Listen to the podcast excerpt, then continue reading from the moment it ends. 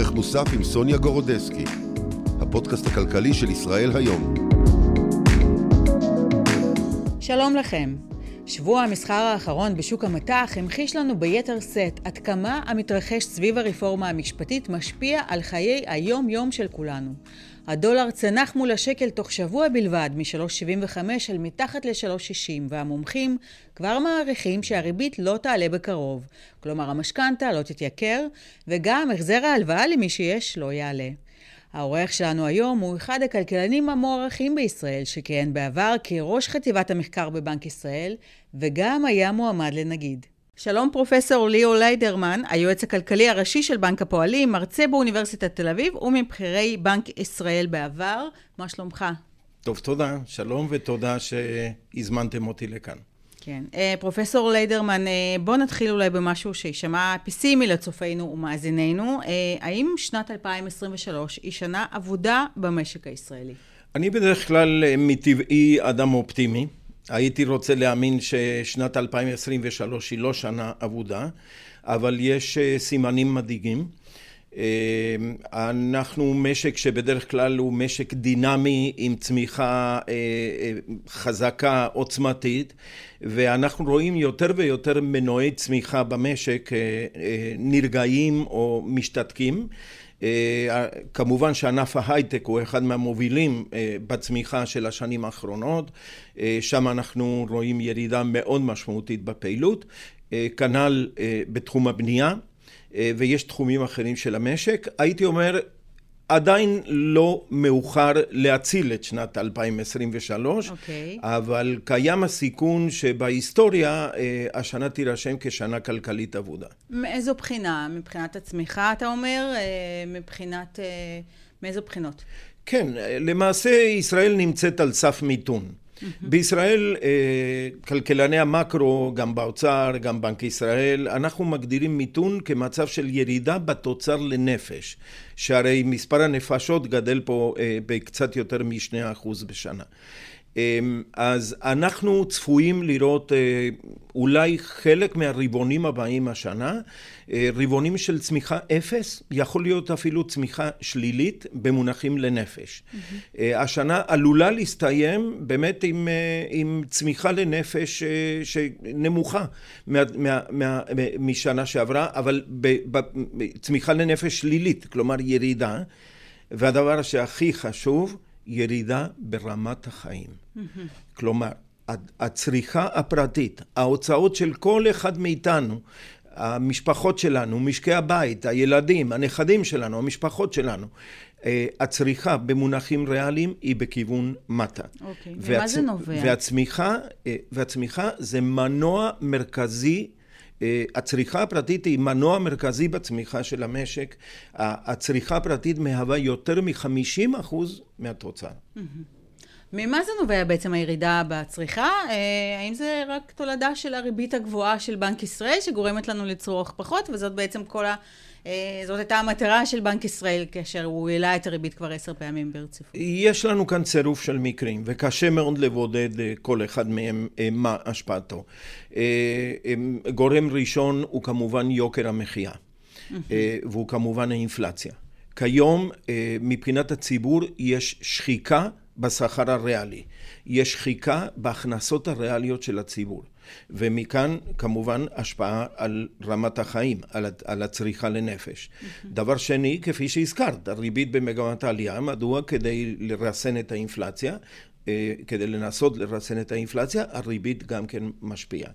יש דבר שלישי שהוא מאוד משמעותי, וזאת אי הוודאות. הנושא, בכל מה שקשור לרפורמה המשפטית, ובכל מה שקשור למערכות ממשלתיות, בסך הכל רמת אי ודאות מאוד מאוד גדולה במשק. וכאשר יש אי ודאות, גורמים שונים, כולל הצרכנים, נכנסים לעמדות המתנה. אין דבר יותר קל מאשר לדחות תוכניות. וכאשר את דוחה תוכניות, כולל של הוצאות על צריכה פרטית, ואני דוחה כן. תוכניות והחברים שלנו, אז במקרו זה mm-hmm. בעצם יוצר האטה בצריכה הפרטית. אוקיי. Okay. כאיש מקרו, מה הכי מטריד אותך כיום בכלכלה הישראלית? הזכרת מקודם את הירידה בהשקעות בהייטק, אולי זה באמת הירידה בצריכה פרטית, מה מכל אלה באמת הכי אמור להגיד? שאלה מצוינת, אני, אני, אני חושב שכלכלה זה אנשים. כלכלה זה אנשים, כלכלה זה משפחות, כלכלה זה, זה תכנון אה, של החופשה הבאה שלנו, אה, שיפור ברמת החיים. ואנחנו בתקופה של ירידה ברמת החיים לנפש בישראל. זה הכי מטריד אותי. אני חושב שבעיקר אם אנחנו מדברים על מעמד הביניים, יש כאן שחיקה בכוח הקנייה, יש כאן שחיקה, אה, ותהיה פה שחיקה של רמת החיים לנפש. מזל או לא מזל, ששוק העבודה עדיין מפגין עוצמה, ואני מאוד מאוד מקווה שימשיך להפגין עוצמה. כלומר, שיעור האבטלה עדיין נמוך. נכון, הוא, הוא, הוא בין שלושה וחצי לארבעה אחוז, מתחת לארבעה אחוז, ועדיין יש ביקוש לעובדים. עדיין יש פה מצב של, בענפים מסוימים, מחסור גדול של עובדים. דמייני לך שהיינו במצב הזה, ועוד בנוסף לזה, אה, מגמה עולה של אבטלה, עם אי ודאות גדולה בקרב הציבור לגבי המצב התעסוקתי שלהם. כמובן שבתחום ההייטק יש הרבה מאוד עובדים שנפלטו ו, וגם שם אה, זה אחד מהמקורות, חלק מהגידול בצריכה הפרטית בשנים האחרונות זה היה כל מה שקשור במישרין ובעקיפין להייטקיסטים. להייטקיסטים. שמרוויחים לה... סכומים יפים מאוד והם מבזבזים אותם אה, מן הסתם. נכון, אבל ו... זה גם משפיע על ההכנסות של בעל הסופרמרקט וזה גם משפיע על ההכנסות של אותה חברה קבלנית שמוכרת להם דירות אה, וכדומה. כלומר, נכון. הכל, הכל זה תגובת שרשרת. אה, אז אני חושב שדי מתסכל אותי, אה, במובן, אה, נקרא לזה אפילו הפסיכולוגי. אני רגיל לראות משק ישראלי עוצמתי, דינמי, עם הרבה אנרגיות, משק שמוביל. יכול להיות שהשנה נהיה בין המשקים הבודדים שבהם הצריכה לנפש ורמת החיים לנפש יורדת. יורדת, כן. כן ו- ולהזכיר עוד, שהפוטנציאל של המשק הישראלי הוא עצום. אנחנו מדברים על כלכלה שלא מנצלת את מלוא הפוטנציאל שלה. אוקיי. Okay. אה, האם מדיניות הממשלה, ובפרט התקציב שאושר לפני שבועות אה, אחדים אה, בכנסת, תורמים בעיניך לצמיחה ולהורדת יוקר המחיה, או ההפך? תראי, כאן אני חושב שלא נותר לי אלא להזדהות עם הניתוח של בנק ישראל ועם הניתוח של בכירי האוצר, שלא הסתירו את הדעות שלהם אה, בפומבי, בכנסים אה, אה, שונים.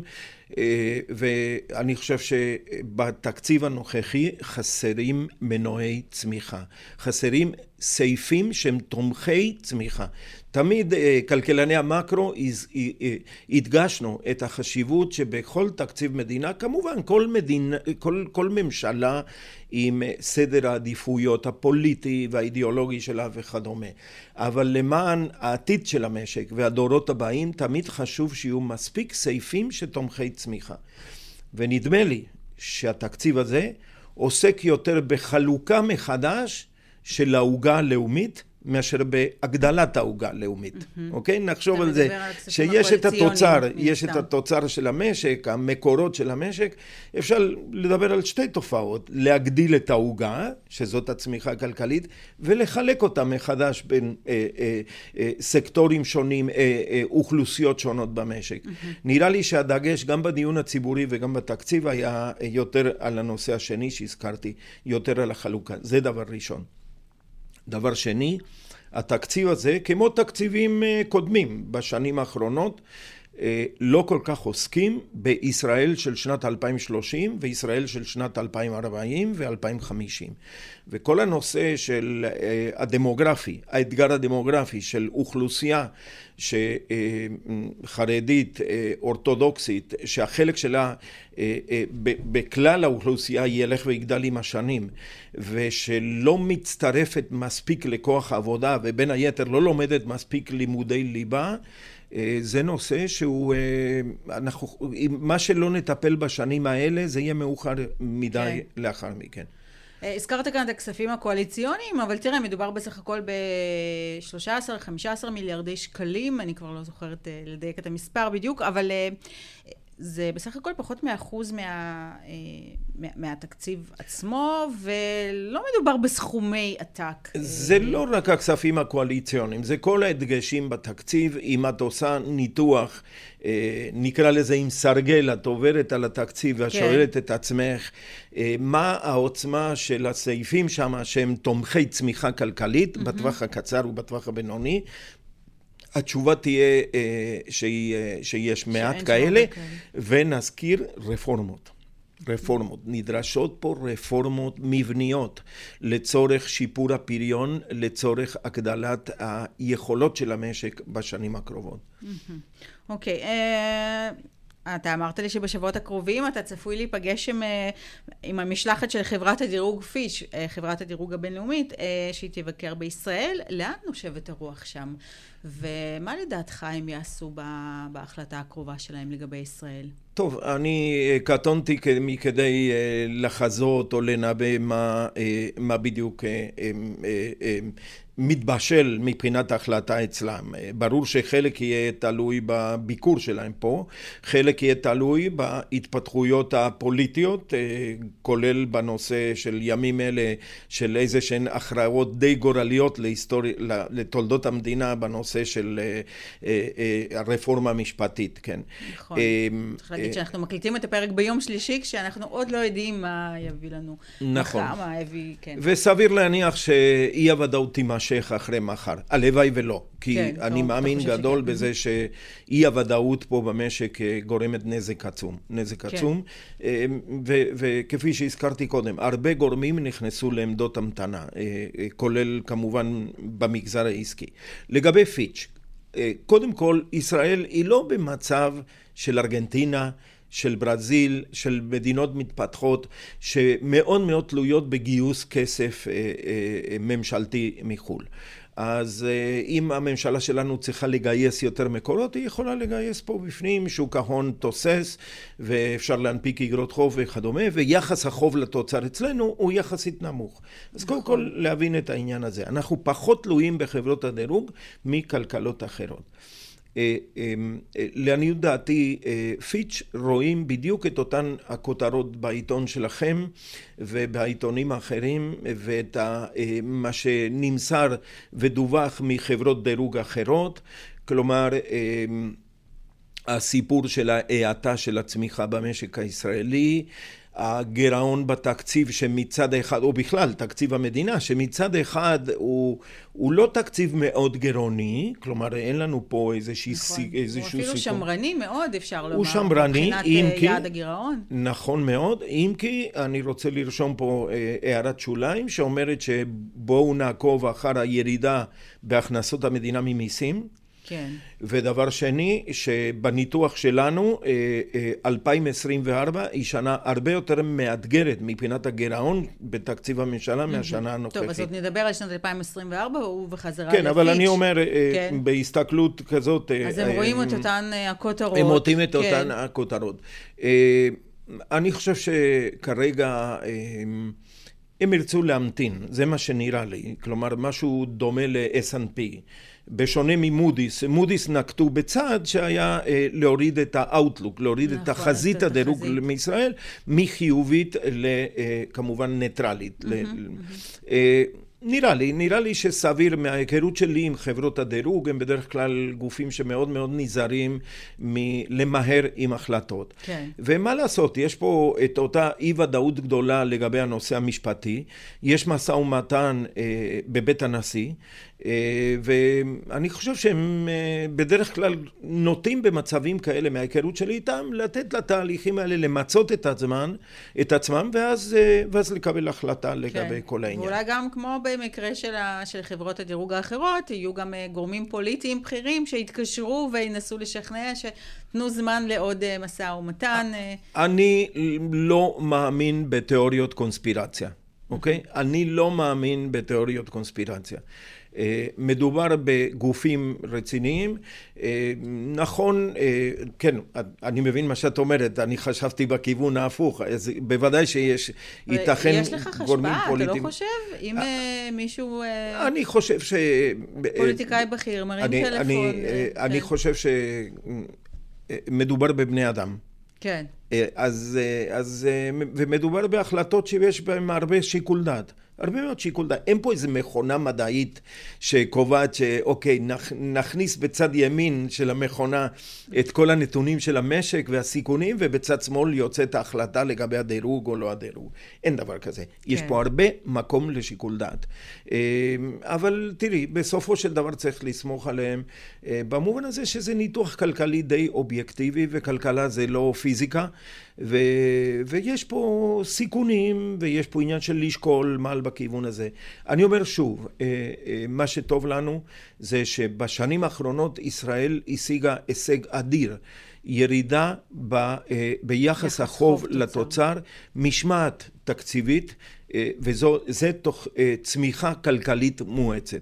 זה הישג שאת הדיבידנדים שלו אנחנו יכולים לראות כרגע. כן. אוקיי, אה, מהי תחזית, תחזית האינפלציה שלך לשנה הקרובה, והאם אה, לדעתך יידרשו עוד העלאות ריבית של בנק ישראל? אנחנו בבנק הפועלים רואים את האינפלציה אה, במגמת ירידה, אבל צריך להדגיש שהירידה תהיה איטית. המומנטום האינפלציוני שהוא מאפיין את כל התהליכי אינפלציה, שמה שהתחיל קודם כאינפלציה של מוצרים, של קומודיטיס, כן? אה, אה, של בעיקר סחורות, נפט, אה, הובלה ימית, אחר כך עבר למוצרים אחרים, וכעת נמצא בענפי השירותים, כל סוגי ענפי השירותים. כמובן שיש לנו גם את מחירי המזון. Mm-hmm. התהליכים האלה לוקח זמן uh, uh, להרגיע אותם. כן, עד שהריבית מתחילה בעצם להשפיע. הריבית גם גבוה. הריבית להשפיע וגם משהו נוסף שאנחנו למדנו במחקרים רבים בכל, במקרו-כלכלה, וזה שאילו, לא שאני מאחל ומייחל לנו את זה, אבל אילו, אילו היינו במצב של אבטלה, זה היה מסייע יותר להפחתת האינפלציה מאשר במצב של תעסוקה מלאה. יחד עם זאת, שכר העבודה מתנהג בצורה די ממושמעת. כלומר, אנחנו לא בתקופה של איזושהי התפרצות אינפלציונית מכיוון שכר העבודה, ובמונחים אה, אה, של שנה, חודש אה, נוכחי או החודשים האחרונים לעומת שנה קודמת, יש למעשה שחיקה בשכר הריאלי. Mm-hmm. אז אנחנו רואים את האינפלציה יורדת לכיוון השלושה אחוז. לעניות דעתי אנחנו נהיה טיפה מעל אה, שלושה אחוז אה, בשנה הקרובה. יש סעיף אחד שמאוד מאוד מדאיג, וזה סעיף השכר דירה. כן. איך זה שבישראל של היום... שהוא ממשיך לעלות בינתיים. בדיוק, לזה אני מתכוון. ב- בישראל של היום, עם... uh, פגיעה ברמת החיים לנפש, שכר הדירה עולה בקצב שנתי של מעל 7 אחוז. נראה השבוע מהו מדד המחירים שמתפרסם וכולי, וזה מחזיר אותי שוב לתקציב. התחזית שלך למדד הקרוב? אה, אנחנו מדברים על בערך חצי, חצי? אחוז, mm-hmm. כן, בערך חצי אחוז, אבל אה, יכולות להיות הפתעה. מה זה יעשה, מה זה יגרום לעשות לנגיד בנק ישראל? האם חצי אחוז טוב, קודם כל, מדיניות, ש... כן. מדיניות בנק ישראל לא נקבעת לפי המדד האחרון, היא נקבעת על פי תחזיות. התוצאות של כל מה שקורה. וגם יש עוד חודש עד ההחלטה, כלומר, יש עוד הרבה נכון. אני אה, חושב שמה שאנחנו בבנק הפועלים מדגישים בנקודה הזאת, זה שעיקר תהליך העלאות הריבית, גם על ידי הפד בארצות הברית, שיש לו החלטה אה, אה, ביום רביעי, נכון, מחר, מחר לדעתנו, גם ההחלטות של הפד, גם העלאות הריבית של הפד וגם בנק ישראל, עיקר העלאות הריבית מאחורינו. עיקר העלאות הריבית מאחורינו. מה שנשאר זה להגיע לאותה נקודה שממנה תהיה פאוזה מסוימת, תהיה אתנחתה מסוימת, אה, והבנקים המרכזיים ירצו לראות האם הריסון המוניטרי שהם הפעילו באמת אה, מצליח למתן את האינפלציה. אה, אני לא רואה בנקים מרכזיים ממהרים להוריד את הריבית. בעולם. בעולם וגם בישראל. אלא אם כן נופתע. אלא אם כן פתאום שיעור האבטלה יעלה בצורה מאוד משמעותית, כן. או, או האינפלציה תפתיע והיא תהיה mm-hmm. כלפי מטה. אבל בתחזיות הבסיסיות ובתוואי הנוכחי, הגישה של בנקים מרכזיים בדרך כלל היא אוקיי, הפעלנו את, אה, את הנשק, את כלי הנשק, עכשיו בואו נראה את התוצאות, ולא ממהרים לשום מקום, כי mm-hmm. תהיה זו טעות אה, אה, אה, לעזוב לגמרי את המלחמה באינפלציה, שפוגעת בכולנו, ופוגעת, כן. ב, ב, ב, כמו שאמרנו, שוחקת את ההכנסות הריאליות והשכר הריאלי, אה, תהיה זו טעות לזנוח את זה ולמהר להפחתות ריבית. Mm-hmm. מה זה יעשה לצמיחה העולמית? אה, דיברת על זה שהריבית בעצם תישאר אה, גבוהה גם בישראל וגם בעולם לאורך זמן ממושך. מה זה יעשה לצמיחה? האם העולם בדרך למיתון? תראי, אה, אנחנו בדעה מאוד דומה לדעה של קרן המטבע הבינלאומית, הבנק העולמי, ה-OECD. השנים 2023-2024 אלה שנים של האטה ניכרת בצמיחה הכלכלית. האטה ניכרת בצמיחה, ברמה הגלובלית. עדיין צמיחה, אבל נמוכה ממה שהיינו רגילים. לא מיתון. אחת מהסיבות, סין. סין עדיין לא התאוששה מה, מהקורונה, מה, ברמה הכלכלית. ובסין, שהיא חלק ניכר מהכלכלה הבינלאומית, יש אה, פסימיות כלכלית ופסימיות עסקית מאוד מאוד גדולה. Mm-hmm. בימים האחרונים, בסוף השבוע האחרון, אה, נודע לכולנו בדיעבד, כי הופיעו הנתונים הסופיים של הצמיחה בגוש היורו. כן? אה, והוכרז שהנתונים עקביים עם מיתון. כלומר, הכותרת הייתה גוש היורו נכנס למיתון.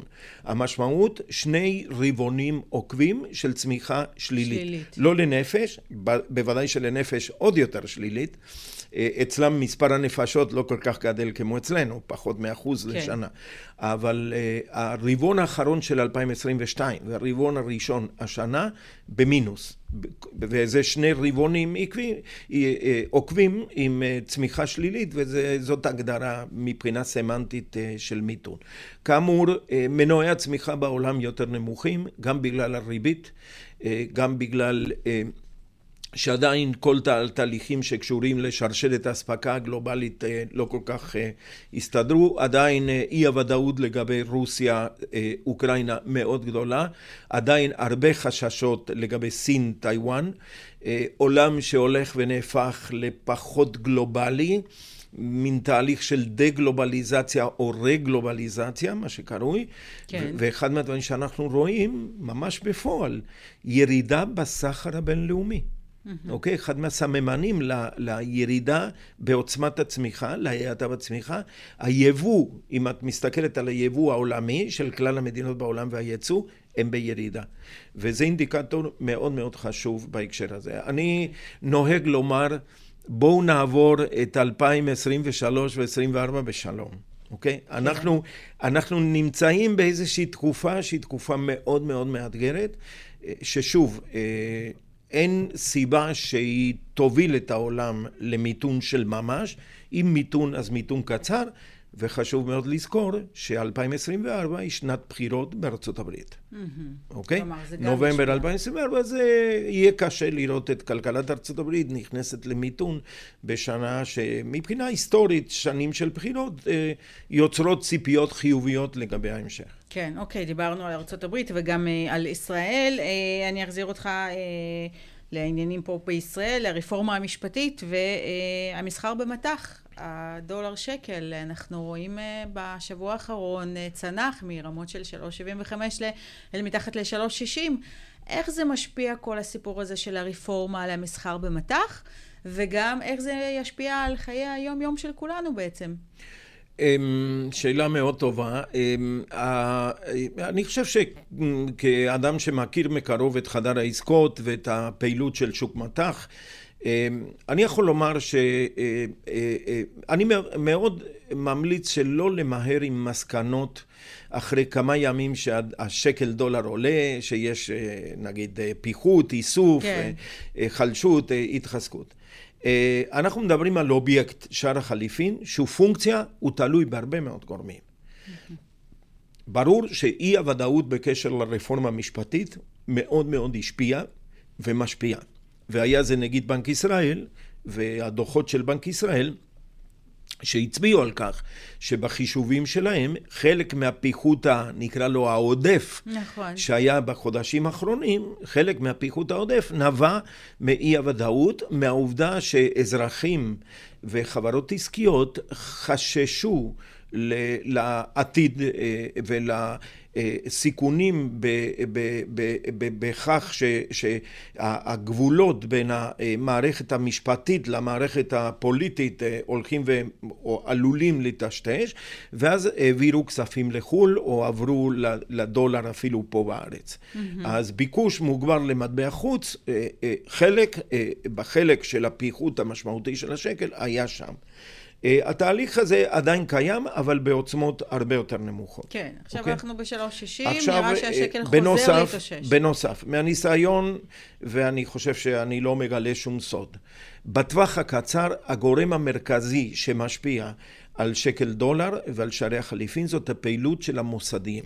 של המשקיעים המוסדיים. חברות ביטוח, קופות גמל, קרנות השתלמות, אה, קרנות פנסיה וכדומה. הם מחזיקים חלק מהתיק שלהם במטבע חוץ והם חשופים לתנודות של המטבע ולתנודות בוול סטריט. Mm-hmm. ויש תקופות שבהם למשל אה, נסדק או וול סטריט עולים בשיעורים ניכרים החלק המטחי, החלק ממטבע חוץ שלהם בתיק מתנפח, כן, והסיכוני המטבע גדלים דולר. מעבר למה שוועדת השקעות הנחתה אותם, ואז הם נאלצים למכור את הדולר ולקנות את השקל, אוקיי? זאת פעולת איזון. זה מה שהיה עד כה, זה מה שהכרנו עד עכשיו. אבל הקשר ש... הזה, לפי מה שאני מבינה, השתבש בחצי השנה האחרונה. הוא השתבש בחלק, בחלק, הוא עדיין היה הוא קיים, עדיין קיים, אבל, אוקיי. אבל כנראה שהגורם של, של מה שהוזכר על ידי בנק ישראל, אה, האי הוודאות לגבי הרפורמה, זה היה הגורם המשמעותי שם. אה, אז, אה, אבל כרגע יכול להיות שזה הגורם שחזר. כמובן שצריך להסתכל על מה הדולר עושה בעולם. אה, אה, וכדומה. אה, דבר אחד מאוד ברור ומסקנה שאני חושב שהגענו אליה והיא משקפת את השאלה שלך. אנחנו כרגע בתקופה הרבה יותר תנודתית בשער החליפין ממה שהיינו בשנים האחרונות.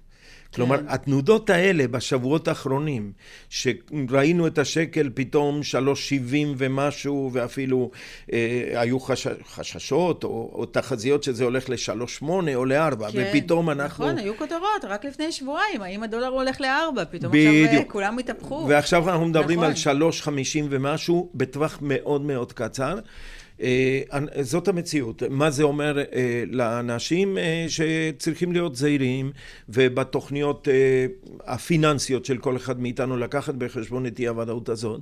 כמובן כן. שמבחינת המגזר העסקי אלה שחשופים למטבע חוץ יודעים שאין כלי יותר טוב לעמוד מול הדברים האלה מאשר גידור. Mm-hmm. יש אה, אפשרויות של ביטוח שער חליפין, כמובן זה, זה עולה איזשהו סכום מסוים, אה, איזו עמלה מסוימת, אבל, אבל ברור שהגידור מאפשר לגורמים עסקיים, בעיקר יבואנים ויצואנים, להגן על עצמם בפני תנודות בלתי צפויות בשער החליפין. אוקיי. Okay. טוב, אה, שאלה לסיום, אולי בכל זאת קצת אופטימיות, אם אה, תוכל לספק לנו, האם אה, שנת 2024 תהיה טובה יותר מהשנה הנוכחית בכלכלה הישראלית? אני מקווה שכן. אני חושב שאם אנחנו נתחיל לראות ירידה באינפלציה, וריבית בנק ישראל והריביות בעולם יגיעו לאיזשהו פלטו, לאיזושהי רמה מסוימת שממנה תהיה אה, פאוזה, כמו שאמרנו, אתנחתא אה, לתקופה מסוימת, ואז החשש מהעלאות ריבית נוספות אה, לא יהיה כאן. אמ, אני חושב שהנושא המרכזי הוא אי הוודאות, אי הוודאות הגדולה. לא משנה מה הדעות הפוליטיות שלך, שלי או של מישהו אחר. כעובדה, אני יכול לציין שאני פוגש הרבה מאוד מנהלים, הרבה מאוד דירקטוריונים, הרבה מאוד אנשים פרטיים, אנשי משק, שנכנסו לעמדות המתנה. אני חוזר על המשפט הזה. חלק משמעותי של ישראל, שקודם תרם לדינמיות ולצמיחה ולעוצמות של המשק, כרגע בעמדות המתנה. ממתין. ממתין לראות מה קורה בתחום האזרחי, בתחום הפוליטי, בתחום המשפטי. מה זה אומר בהמתנה? שהם נמנעים מקבלת מה שאומר בהמתנה זה ש... סליחה, בבקשה. כן, החלטות השקעה, החלטות עסקיות, מה זה, מה זה אומר המתנה? כן, זה אומר המתנה, שאם uh, תעשיין חשב אה, להקים קו ייצור חדש mm. למפעל שלו, נגיד מפעל אה, ייצור ת, אה, אה, צעצועים, אז הוא או היא אה, שמים את הכסף בבנק, בקרן כספית, אה, בונים איזה תיק ניירות ערך, איגרות חוב אפילו של המדינה, ריביות עלו, אז זה אטרקטיבי יותר ממה שהיה לפני שנתיים או שלוש, ואומרים, אני, אני אפגש עם הכסף בעוד שנה, אני אפגש עם הכסף בעוד חצי שנה.